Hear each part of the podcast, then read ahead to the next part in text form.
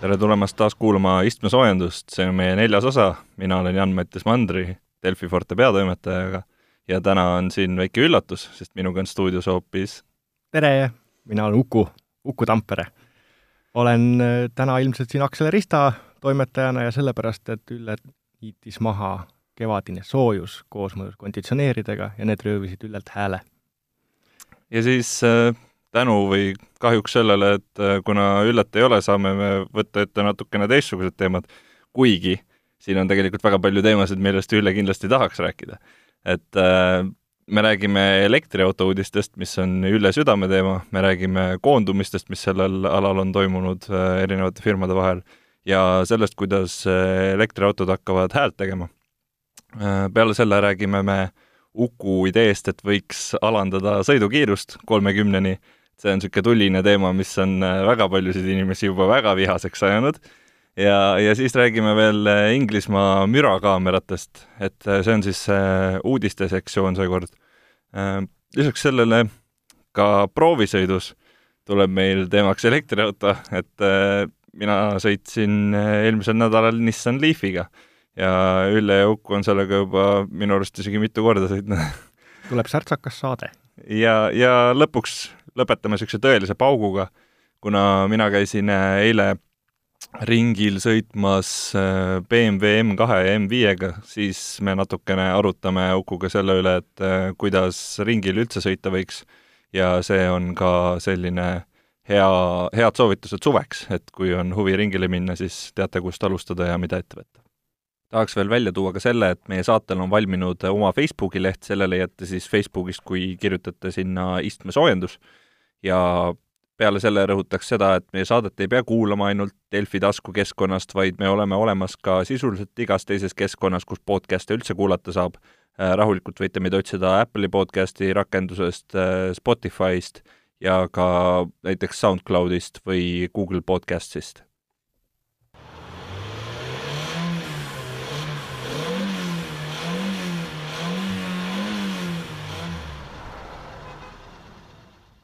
nii, Uku, aga alustame siis kohe selle pommiga ja paneme selle ära ja räägime sellest sinu ideest siis äh, sõidukiirust alandada. mitu tapmisähvardust sa see nädal juba saanud oled? Õnneks või kahjuks ma pean kohe ära parandama selle, et see ei ole minu idee. Õnneks sellepärast, et muidu ilmselt võetaks mul jah, teatud kehaosad maha kahjuks sellepärast, et see tõenäoliselt toob päris äh, suure kasvu liiklusturvalisuses kaasa. aga tegelikkus on see, et juba pikka aega Euroopas erinevad võimuorganid arutavad sel teemal, kuidas liiklussurmade arvu vähendada ja kuna kiirus on umbes kolmandiku liiklus, hukkunuga liiklusõnnetuste põhjus ja ülejäänude puhul raskendavaks asjaoluks, siis nähaksegi just kiiruse alandamist, ehk siis lubatud suurima sõidukiiruse alandamist vahendina, kuidas kõik liiklussurmad mingi aja pärast Euroopas olemata jääksid, ehk siis nullvisiooni poole liikumine. no seda, jah, ma, ma alustan kohe selle klassikalise küsimusega, mida ma arvan, et ikka kõik need vastased sulle täpselt samamoodi esitavad, et aga miks me siis jala ei hakka käima? kusjuures jaa, ma nii palju ütlen ära, et armastuskirju on mulle tulnud umbes kümmekond. armastuskirju siis sellises jutu, jutumärkides, et äh, nii Messengeris on kirjutatud, võetud, võetud vaevaks ja kirjutatud lausa niisugused pikad jutud. aga oota, mis su küsimus oligi? et äh, miks me, miks me jala ei hakka käima selle asemel siis, et autodega sõita, kui meie eesmärk on nagu liiklussurmasid vähendada, et kui kõik jala käiks, siis noh, teisele inimesele võid ju sisse ikka kõndida õlaga, ega ta tõenäoliselt surma ei saa sellest praktikas on ju see täitsa võimatu, et kas või siia ma tulin praegu autoga sel põhjusel, et mul on veel ühtlasi survepesur taga pagasnikus, mille ma pean remonti viima ja seda ma mitte kuidagi bussiga siia linna poole ei tari. nii et see on nagu see praktiline vajadus või siis äh, ma pean poes käima ja noh, tavaliselt ma ei sõida ühte kohta, et ma ikka ühild-, ühildan mitu tegevust ja toimetamist ja on asju vaja kaasas vedada, nii et sellepärast ei saa jala käia ja rattaga sõita. aga meie ülikiires ajas või tähendab selles nagu maailmas, kus meil on ju ajapuudus kogu aeg, on ju, et igaüks, noh, ma ei tea, me oleme mõelnud välja selliseid süsteeme juba, mis on isekassad ja ja mingisugused robotniidukid ja mida iganes, kõike seda, et saaks nagu natukene enda aega kokku hoida, et kas äh, keegi on ka seda mõõtnud, et missugune see aja erinevus üldse sellest oleks, kui näiteks äh, viiekümnese piirkiiruse asemel hakkaks kõik nüüd kolmekümnega sõitma homsest? Äh, siin ongi need kõige suuremad vastuväited ka, et kui kolmekümne peale kiirus alandada, või no tähendab, see on see kõige suurem arutelu koht, et kui alandada kolmekümne peale, siis üks leer ütleb, et linnakiirus läheb, äh, linnaliiklus läheb sujuvamaks ja sellest tulenevalt kiiremaks, teine leer ütleb, et siis ei jõua üldse mitte kuhugi ja autod muutuvadki mõttetuks, ja tegelikult see mõte, et inimesed jätaksid autod koju ja loobuksid autode kasutamisest, ongi ju väga paljude poliitikate üks põhipostulaate, et nad tahavadki, et autod linnapildist selli-, senisel kujul ära kaoks. aga seda ei saa lihtsalt üleöö teha, see on ju suur süsteem, tervik. et kui inimestelt võeta ära, võtta ära autode kasutamise mõttekus või võimalus, siis peab seal mingi alternatiiv, alternatiiv olema, ühistransport, ja noh, siin meil ei ole mõtet vist detailidesse laskuda, aga lähtume faktist, et Tallinna ühistransport on selliselt korraldatud, et mina näiteks Hiiult Äh, Piritale saamiseks pean kulutama umbes poolteist tundi oma elust. no rääkimata sellest samast näitest, mis sa ise siin välja tõid, et äh, kui sa peaksid seda kõike tegema veel survepesuriga näiteks mm, -hmm. siis see oleks ju väga ebamugav või ma ei tea, kui sa plaan oleks mööblit hakata vedama, siis, siis seda ka nagu noh, kas või mingeid väiksemaid esemeid on ikka ühistranspordiga väga ebamugav teha just, aga noh, et mik-, mul on lihtne aru saada ka nendest poliitikutest, kes, kes vaatavad neid numbreid, et Euroopas hukkub meeletus koguses inimesi liikluses ja, ja seal ongi välja toodud, et kui keskmine kiirus alaneks kas või ainult ühe kilomeetri tunnis võrra, siis äh, säästaks see juba umbes kaks tuhat inimelu aastas. noh, et see ongi, kiirus on see faktor, millega kõike mõõdetakse. kas see on õige või mitte, selle, see, seda ei ole mina pädev hindama, aga lihtsalt poliitikud lähtuvad sellest numbrist ja sellest on lihtne lähtuda, sest et kõik pidurdusteekonnad, peatumisteekonnad, reageerimisteekonnad ja muuhulgas siis ka kokkupõrke raskusaste sõltuvad ju puhtalt ainult kiirusest. jaa, aga kas, kas sa oled seda teemat nagu Eesti valdkonnas, kas sa oled kursis nende numbritega ka, et mis, mis võiks olla need konkreetsed numbrid, mis meil on ma ei tea, hukkunuid liikluses, et kas, kui paljud on nendest joobes olnud, kui paljud nendest on olnud? See suhtarv on umbes sama, et äh, kolmandik liiklusõnnetustest on Eestis ka valesti valitud sõidukiiruse tõttu. Ja siis äh, noh, mul praegu siin kohe taskust võtta neid ametlikke statistikaid ei ole, et selleks peaks Maanteeameti liiklus, liiklusinformatsiooni vaatama. aga noh, see suhtarvud on igal pool Euroopas üht, üsna ühtemoodi, et meil lihtsalt ei ole siis kiirteel hukkunud inimesi nii palju, sest et meil ei, lihtsalt ei ole päris kiirteid kui, kui me siin juba rääkisime sellistest teemadest, mis äh, puudutavad siis liikluses närvi ajavaid inimesi, ma ei tea, keda ajavad närvi liiga aeglased juhid, keda ajavad närvi liiga kiired juhid, siis äh, selline teema nagu müra on meie järgmine teema, et äh, Inglismaal siis plaan paigaldada sellised mürakaamerad, mis hakkavad jälgima seda, et keegi oma autoga liigselt mööda linna ringi ei löristaks. kusjuures seal ajendas selle uue suuna hoopistükkis mootorrat-, ajendasid mootorratturid. ehk siis mootorratturid on need, kellel on kõige enam äh, paigaldatud paljusid summuteid ja siis äh, kohalikud elanikud on pöördes sellepärast, et ka ebatsensuursetel kellaaegadel sõidavad mootorratturid töristades läbi külade ja ei lase magada. et olles ise palju Inglismaal käinud, siis ma võin öelda, et äh, seal on väga tuntav kontsentratsioon lärmakaid mootorrattaid noh, ja siis sinna hulka kuuluvad veel ka motorollerid, mis on Eestis põhiline piniseja.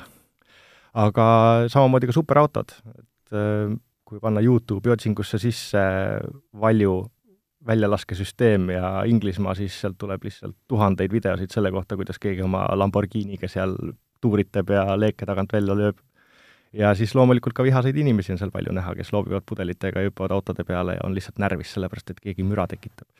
ja siis selle peale nähaksegi lahendusena seda, et sarnaselt kiiruskaameratega paigaldatakse teedele akustilised kaamerad, et mitte öelda mikrofonid,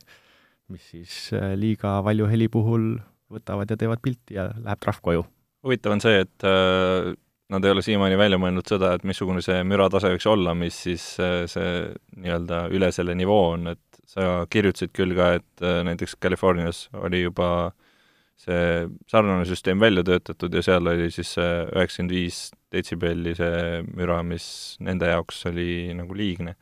et üheksakümmend viis detsibelli võiks olla umbes selline, et autode back-pidurduse ja rehvid vilisevad seal asfaldi peal, et siis kui e kaameras pidurdada sellest saab juba trahvi. Et nüüd uus info tuli, et äh, Genfis on ka olnud niisugune plaan, et panna sarnane liikluskaamera üles, nii et see tundub olema palju laiem ja palju suurem huvi kui ainult Inglismaal praegu aga noh, Inglismaal lihtsalt on hästi aktiivsed huvigrupid, kes on lausa mingeid kampaaniaid teinud selles suhtes, et müraga peab midagi ette võtma. ja siit saame sujuvalt liikuda edasi ka järgmise teema juurde, et kui tavaautodel ja mootorratastel tahetakse, et müra oleks vähem, siis tuleb välja, et elektriautode puhul tahetakse hoopis, et müra oleks rohkem. et, et äh, Euroopa Liit siis otsustas, et äh, esimesest äh, juulist kui ma õigesti mäletan, siis esimesest juulist äh, hakkavad või tähendab, peavad hakkama kõik elektriautod tegema häält ja see puudutab nii hübriid- kui ka tavalisi elektriautosid. ja see heli on siis viiskümmend kuus detsibelli, mida, mida võiksid need äh, elektriautod teha.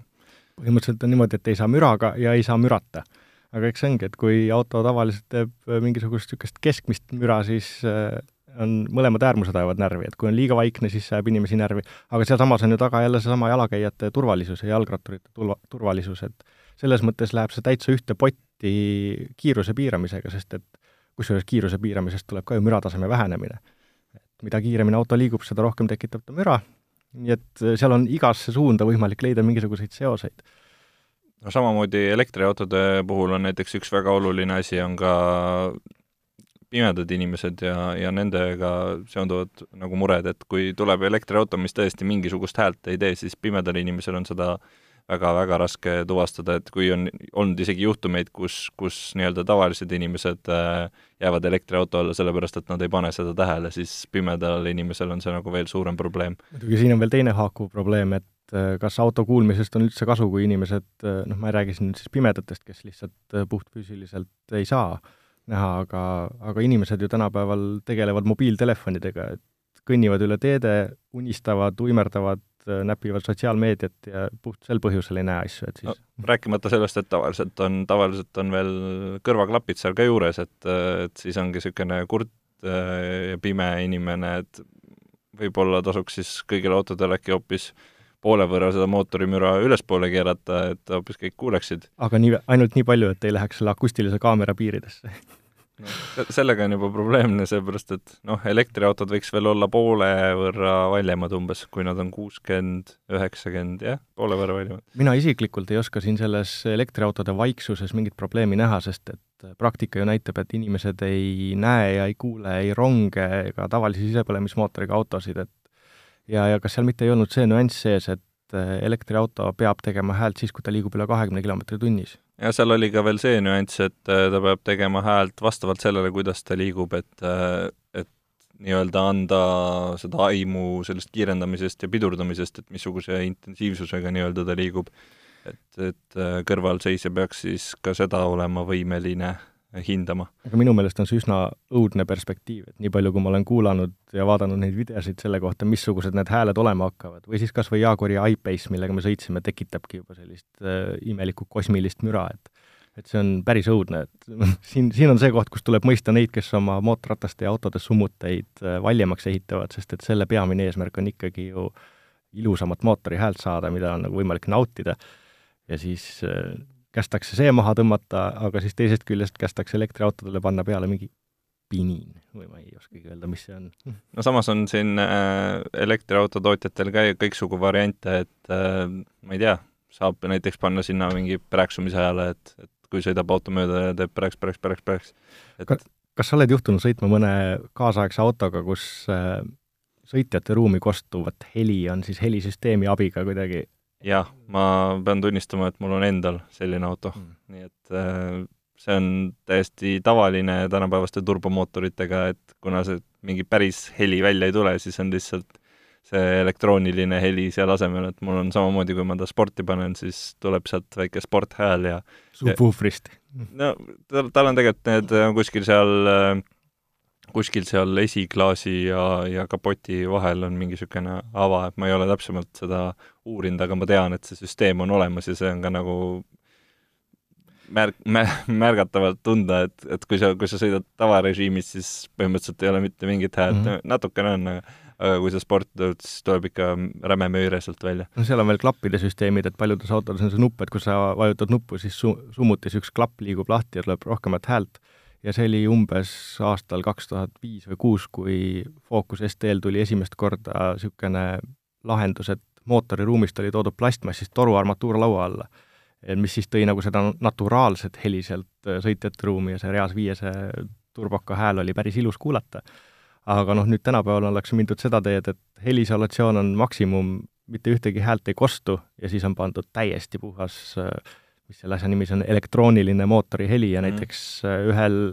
GTI märki kandval kähku sõiduautol on see hääl umbes selline, nagu oli üheksakümnendate lõpus mõnes rallimängus, selline põrin ja pinin. eks ta jah, see, suht selline ole. nii et minu meelest läheb see elektriautode heli sinnasamma kategooriasse, aga noh, jällegi, kui, kui see aitab kas või ühe inimelu säästa, siis nii-öelda poliitikakujundajate arvates on see juba ju piisav meede, et see on täpselt samamoodi, et kiiruse alandamine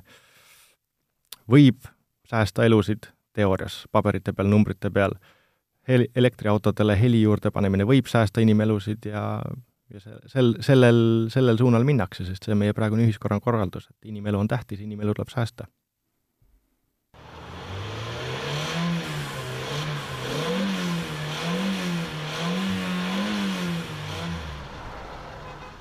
ja kuna me ennast siin äh, nii mugavalt juba elektriauto teemadele oleme sättinud, siis äh, nüüd võtamegi ette ühe elektriauto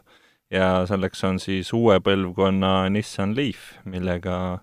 minul oli rõõm sõita eelmise nädala keskpaigust kuni äh, nädalavahetuseni välja. et neid päevi ikka kogunes ja sai sõidetud nii maanteel kui ka, kui ka siis linnas. Uku, mis sa arvad, kas uus Nissan Leaf, see, ma ei räägi sellest nüüd päris uuest, sellest eh, E-plussist mm, -hmm. vaid ma räägin sellest tavaversioonist, et kas see on reaalne auto, mis eh, ühe tavatarbija jaoks suudab asendada sisepõlemismootoriga autot? jah eh, kui mõelda seda, kus keskmine ja tavaline inimene sõidab, siis enamasti on see tööle, koju, poodi ehk siis linnas. ja noh, ma ise olen Leafiga sõitnud kõigepealt ühe sõidu Genfi ja tagasi, autonäitusele talvel ja siis ma olen korra sellega Riias käinud ja Läti ringreisil ja siis veel ohtralt Tallinna vahel ringi sõitnud. ja, ja noh, pikad reisid on need, mis esialgu tuska tekitavad, aga kui unustada ära see hirm, et mul justkui võiks elekter otsa saada või et on noh, et kui, kui läheneda asjale sellise suhtumisega, nagu lähened sisepõlemismootoriga autodele, siis tekitab natuke tuska küll, aga kui praktikas vaadata, siis, äh, siis isegi sellise kolmesaja kilomeetrise sõiduulatusega, nagu see ilma E-plussita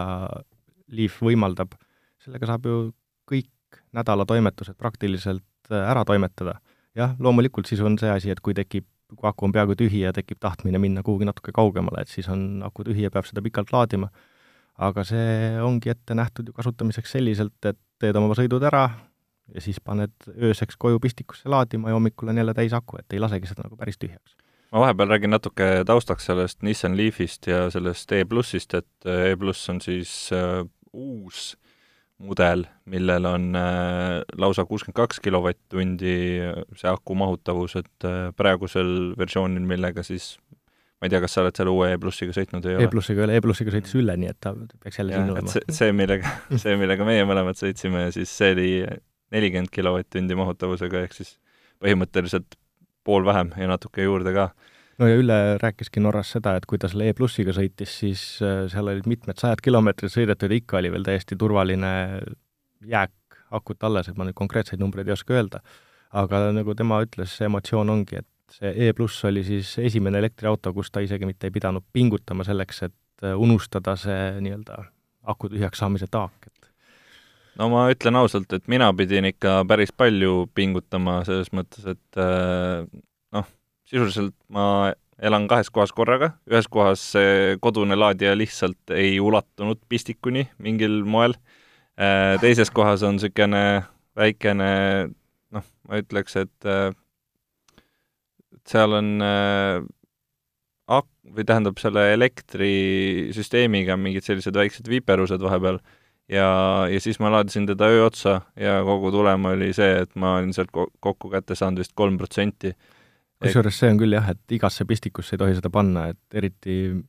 eriti need süsteemid, mis on veel kusagilt nõukaajast jäänud ja on kapp remontimata, siis äh, on see nii suur koormus, et ta võib lihtsalt põlema panna midagi. no vot, äh, mul õnneks põlema midagi ei pannud, aga, aga selle ühe päeva ma veetsin küll hea ja kaks-kolm korda käisin päeva jooksul laadimas. Et äh, noh, esimene kord ma läksin umbes niisugune neljakümne protsendi pealt, sõitsin siis ühte tanklasse, mille juures Elmo laadija oli, istusin seal tund aega, vaatasin videosid telefonist mm, jube palav oli see, aga autos ei saa istuda, see kont, kont ei tööta ja, ja, ja seal oleks nagu veel palavam ja siis ma istusin seal tankla seal välilaudade taga ja lihtsalt vaatasin tund aega Youtube'ist videosi. Aga noh, ma arvan, et see on ainult aja küsimus, kui laadijate võrgustik on sellisel tasemel tihe, et, et saab igapäevaseid toimetusi laadijate kaudu teha, et noh, seal muidugi peab arvestama sellega, et kui elektriautode hulk kasvab, siis äh, tekib üha rohkem neid ja kusjuures see on juba probleem täna, kes äh, tulevad hommikul kohale, pistavad laadijasse, siis tiksuvad selles, selles laadijas terve päeva ja hoiavad seda laadijat kinni. et noh, see ei ole asja normaalne kasutus. küll aga on näiteks siin Radissoni juures üks laadija, kus on täitsa võimalik teha nii, et tuled laadijasse, ja, ja selle tunni ajaga, mis ta seal laeb, jõuab ümberkaudsel, ümberkaudsetes ärides mingid tegevused ära korraldada ja selle ajaga on aku praktiliselt täis saanud. jaa, ma, ma ka just mõtlesin selle peale, et kuna, kuna minu nii-öelda mõlemas kodus on see reaalselt see laadimiskoht ikka vähemalt kilomeetri, kui mitte rohkem kaugusel, siis äh, see tegelikult tähendas seda, et ma pidin eraldi minema sõitma kuhugi, lihtsalt istuma seal, vahtima ja ootama nii kaua, ja, ja, ja see oli suhteliselt tüütu, ütleks ma. aga no ütleme nii, et eks eeldus on see, et või noh, ütleme nii, et elektrisüsteemid peaksid niikuinii nii palju korras olema, et nad kannatavad seda umbes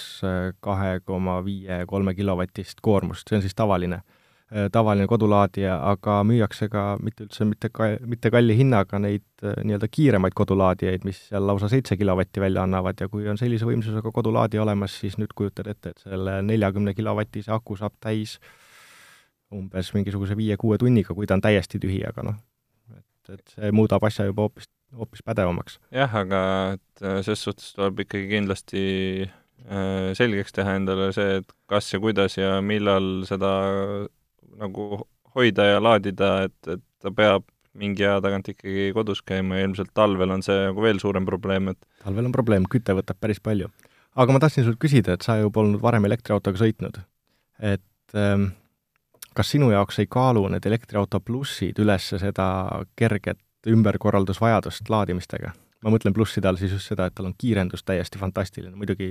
sinu poolsportautoga võrreldes ta vist äh, nii palju ei ole, aga mm, ta on jah, ma, ma, ma teadsin seda tegelikult enne ka, on ju, et elektrimootoritest saab seda väänet oluliselt rohkem kätte väiksema võimsuse juures, et see, ma eeldasin seda. aga, aga su küsimuse juurde tulles, siis ma üritasin natukene arvutada või nagu välja mõelda selle, et, et missugune see hind peaks olema selleks, et, et ta ära tasuks minu jaoks ennast. ja tegelikult ma jõudsin oma arvutustega, mis on küll niisugune noh, suht puusalt pandud arvutused, aga ma jõudsin enam-vähem sinna, et nad jäävad kuhugi samasse auku, kui sa arvestad seda, et elektri laadimine on märkimisväärselt odavam kui äh, kui näiteks kütuse võtmine mhm. on ju, siis see aastane kulu võrreldes sellega, kui palju kallim see auto tegelikult on, jääb ka noh, ta jääb enam-vähem nulli. et äh, sa saad tegelikult kahekümne tuhandega äh, juba endale osta mingisuguse uue auto, ma ei tea, Škoda Octavia näiteks, mis mm -hmm. on mhm. niisugune suhteliselt säästlik, mõistlik, tavaline Eesti üks popimaid autosid, on ju ja selle kümne tuhande eest, mis sul, või isegi viieteist tuhande eest, mis sul sellest Leafi hinnast puudu jääb, sa saad aasta jagu endale ka kütust võtta. Et äh, seda küll jah, eks kasutusharjumused on need, et äh, mis, mis selle asja ära määravad. aga noh, seal on veel ju see pluss, et elektriautoga, noh Eestis on küll praegu põlevkivi, põlevkivielekter, mille siis nii-öelda jalajälg looduse mõttes on nagu päris suur, aga see jalajälg on tegelikult elektriautoga sõites isegi minu arust suurem kui, kui, kui sisepõlemismootoriga. aga noh, ütleme, et see ei ole ka tulevik, et tulevik on ikkagi tuuleenergia, päikeseenergia ja üha suurem osakaal, et siis siis on ju nii, et sõidad elektriautoga ja enesetunne on hea ja jääkarudel on ka jube mõnna. Äh, mis sa auto disainist ja sisemusest üldse arvad, et mis, mis hinda sa sellele paneks viiepallisüsteemis? mina paneks nelja oh, väga helde. välim-, välimusele paneksin nelja mm,, infolustisüsteemile tahaks panna puudulikku hinda, sest see on kiviajast, kui nüüd niimoodi avameelitseda. selle koha pealt ma, ma tahaks lihtsalt mainida seda navigatsioonisüsteemi, et see on täpselt mingi selline, mul, mul tulid lapsepõlvemälestused, kus kunagi käisid vanematega ja oli, GPS oli akna peal niisugune, ma ei tea, Tom-Tom mm -hmm. või mingi vana Garmin, et niisugune täpselt seesama, sama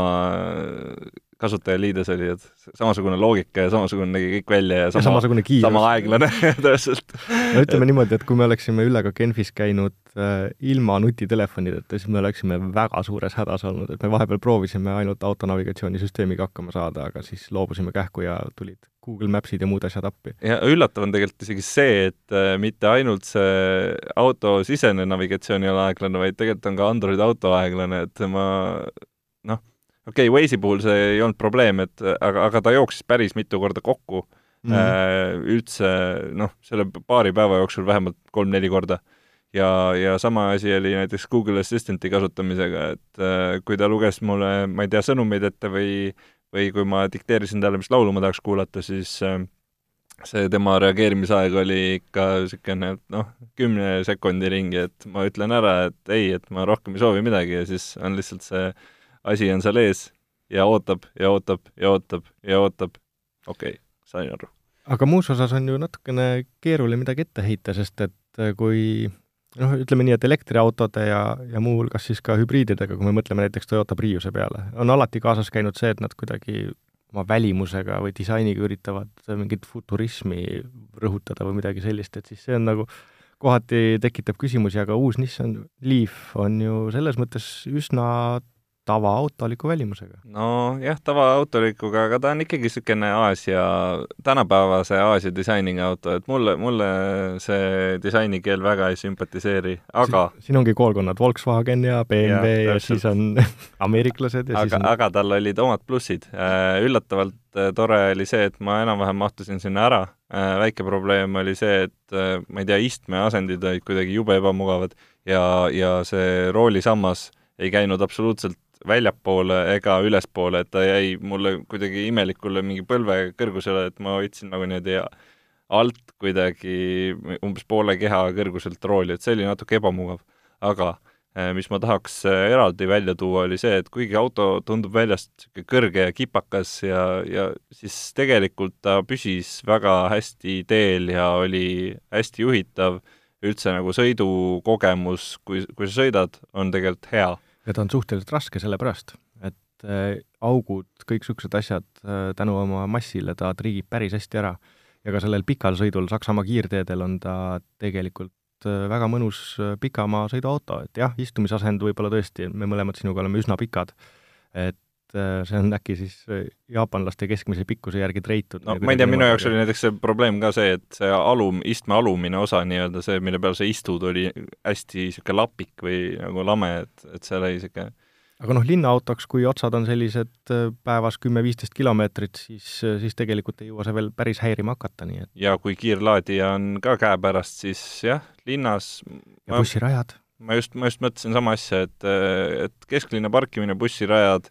linnasõit, linnas ma sõitsin äh, kolm päeva äh,, nelikümmend protsenti akut selle ajaga maha, nüüd et mm -hmm. nädalakese sa saad rahulikult äh, sellega tegelikult sõita, siis lähed lükata tunniks ajaks või pooleteiseks tunniks kiirraadio külge ja saad jälle nädalakese sõita. ja eriti, kui tulemas on see E pluss, siis äh, Eestis ei ole niisugust sõitu, mida enam ette võtta ei saaks et isegi ümber Eesti veab vist äh, kotades välja mm. -hmm. nii et eks see on, eks see on tulevik, ma arvan, et elektriautod on meil selles mõttes tulevik, et teevad nad siis häält või ei tee aga,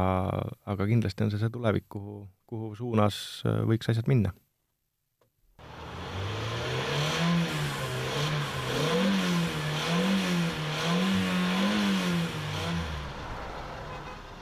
ja lõpetuseks räägime siis äh, värskelt BMW M2 ja M5-ga sõitnuna äh, sellest, kuidas võiks sõita ringrajal. Uku, mitu korda sa oled äh, ringrajal sõitnud oma elus? oma elus ma jään vastuse võlgu, aga nüüd mõned nädalad tagasi sõitsin Porsche üheksa üks ühtedega ja siis veel paar nädalat enne seda sõitsin Hyundai N-idega äh, Audrus. nii et sel aastal on tulnud kaks korda sõitmist, enne seda oli väheke pikem paus no ühesõnaga, sul seda kogemust ikkagi on, minu jaoks, ma ütlen ausalt, oli see esimene kord äh, sõitmiseks, nii et ma olen äh, isegi niisugune äh, nii-öelda värskelt need õpetussõnad kätte saanud. ma pean lihtsalt küsima, et ma mäletan oma esimest ringrajasõitu, siis kõige suurem üllatus oli see, kui, no see oli kardirajal, Rapla kardirajal, ja, ja siis tundus selline täiesti turvaline viiskümmend, kuuskümmend kilomeetrit tunnis linnakiirus ja kui siis tuli esimene kurv, siis mind tõsiselt üllatas see, kui, kui, kui tugevad nii-öelda raskusjõud selles kurvis mõjuvad, mis oli sinu jaoks esimene üllatus? mu jaoks esimene üllatus oli ausalt öeldes see, et kõik ei olnud üldse nii hirmus, kui ma arvasin et eh, noh, ma olen, ise sõidan niisuguse sportliku autoga, ma olen äh, kunagi ammu mänginud hästi palju igasuguseid rallimänge, nii et nagu niisugune üldine teooria selle kohta, kuidas raskusjõud mõjuvad kurvis ja missugune see trajektoor võiks olla, on mul niisugune enam-vähem selge, et ei ole päris niimoodi, et üritad nagu seest minna kurvi ja siis vaatad, et kuidas sa sealt välja lendad, et et äh, üldjoontes sai nagu üllatavalt äh, probleemivaba see asi. mis kiiruse seal Riias Pikerniki rajal kätte saab uh,? sirge peal saab ikka mingi sellise kakssada pluss ilusti kätte, et see ei ole üldse probleem, eriti kui on äh, istumise all on BMW M5, et see läheb seal sirge peal väga ilusti edasi. olid sa varem sõitnud nii kiiresti autoga üldse ah,? ma pean mõtlema, ei ma nüüd nii kiiresti vist ei ole sõitnud. Äh, kahesajaga olen küll, aga kahesaja sihuke, seal oli, seal oli ikka noh, kakssada kakskümmend umbes kuhugi sinna auku, ma arvan no,. et Porschega sai Audru rajal, siis kui see, mis stardisirgega paralleelselt olev sirge on ja tagasisuunas tuleb, et äh, seal sai Porschega pidurdamist alustatud kahesaja kümne pealt ja see ongi see, mis äh, ringrajasõidust nii ütleme siis äreva teeb, et äh, esiteks saavutad selliseid kiiruseid ja siis sooritada maksimaalne pidurdus kahesaja kümne pealt ja siis keerata veel jääkkiirusega umbes sada kakskümmend, sada kolmkümmend kilomeetrit tunnis sellisesse kurvi, kus linnas tahaks panna teist käiku, et et see ongi see ringrajasõidu võlu. jaa, aga seal on sa-, samas ka hästi palju selliseid noh, kui sa oled äh, juba sõitnud seal, ma ei tea, kolm-neli ringi, on ju, siis sul kaob see kiiruse tunnetus ära ja siis ongi selline tunne, et nagu sõidakski linnas hästi rahulikult, et okei okay,, ma lähen siit nüüd rahulikult siia kurvi ja siis vaatad korra viksamisi spidokat, siis seal on sada on ees. Et... aga kuidas see tunne oli, et äh, igatahes pärast seda, kui mina olen rajal käinud, siis äh, pärast seda tundub tavaliikluses ringi tõmblemine kuidagi eriti, eriti mõttetuna või et äh, oligi, et tagasi sõidad üheksakümnega, see tundub täiesti normaalne kiirus olema, sellepärast et justkui nagu välja elatud ja, ja siis jõuab kohale, kui tühine see kihutamine linnas on. ma ei tea, et äh, mulle lihtsalt meeldib sõita, et äh, ma ei, ei, ei, ei kaotanud seda sõidurõõmu ka pärast ära, see ei tähenda seda, et ma muidugi panin mööda tänavaid sotiga ringi, aga, aga nii-öelda äh, niisugused sportlikud kiirendused, sportlikud pidurdamised ma üldiselt sõidangi niimoodi mhm. kahjuks või õnneks, et sulle ilmselt see väga ei meeldi, aga, aga ma tegelikult nüüd niisugune kombepolitseinik ei ole. kolmekümnega ma ei sõida. ja ma endiselt tegelikult ei poolda seda kolmekümne peale alandamist, et see on lihtsalt siis see poliitika, mida räägitakse inimelude päästmiseks, säästmiseks. aga raja peal on tegelikult lihtne ju, et seal tuleb lihtsalt meeles pidada põhimõtteliselt mõned põhitõed. esiteks, ei ole vaja rapsida teiseks ei ole vaja, ei tohi rooli üle keerata, sest äh, enamasti vajad sa ainult veerandpööret rooliga. ja kusjuures need kaks asja on need, mis äh, tuleks ringrajal kindlasti ka tavalisse liiklusse üle tuua ja tavateedele sõitmisele. ma mõtlen siin nüüd siis just olukordi maanteel või kui on näiteks talvel libedaga auto libisemisse läheb. et kõige suurem viga, mida juhid teevad, on see, et nad keeravad rooli üle ja rapsivad. ja kui jätta, jätta meelde see ja käia seda ringrajal harjutamas, et äh, hoiad kinni kella kolmest ja üheksast nii-öelda roolist. ja, ja põhimõtteliselt kõik pöörded, mis sul vaja on, on siis kas vasak käsi kaheteistkümneni või parem käsi kaheteistkümneni ja kui neid, neid põhimõtteid järgida, siis on ka tavaliikluses ja tavateedel äärmiselt lihtne autot kontrollida, kui see peaks kuskile libisema minema huvitav on see, et äh, kuigi meil oli see nagu omavahel niimoodi kooskõlastamata, siis ma tahtsin tegelikult täpselt seesama pointi välja tuua, et äh, ma ütleks, et julgelt Äh, kakskümmend, kolmkümmend protsenti, võib-olla isegi nelikümmend protsenti kogu sellest sõidust on tegelikult see, kuidas sa paned asjad enda jaoks valmis ja kuidas sa oled nii-öelda baastõdedega nii-öelda harjunud. et äh, see, et sa hoiad käed roolil õige koha peal, see on üks kõige olulisemaid asju üldse, äh, samamoodi see, et sa paned istme enda jaoks paika niimoodi, et sa ei lösuta seal, et sa ei hoia, ma ei tea, kuskilt liiga sirgete mm -hmm. kätega ringi, on ju, niimoodi, et sa, sa saad seda rooli kontrollida ka siis, kui midagi päriselt nagu juhtub, on ju, paned peeglid paika, samamoodi väga oluline asi. täpselt need asjad, mis tuleb tuua tavaliiklusesse, et seal on veel ju see asi ka, et kui sa istud roolile liiga lähedal, mida linnapildis näeb päris tihti, siis äh, nüüd kujuta ette, et kui see turvapadi tuleb sulle sealt äh, sekundi murdosaga näkku, et kui ta on liiga lähedal, siis saad väga haiget mm. -hmm. ja, ja mis äh, on üks kõige niisuguseid ma ei tea, lollikindlamaid asju, mis, äh, mida üldiselt võib äh, laiendada sisuliselt kõigele, siis äh, minu enda värskest kogemusest ma tooks välja ka selle, et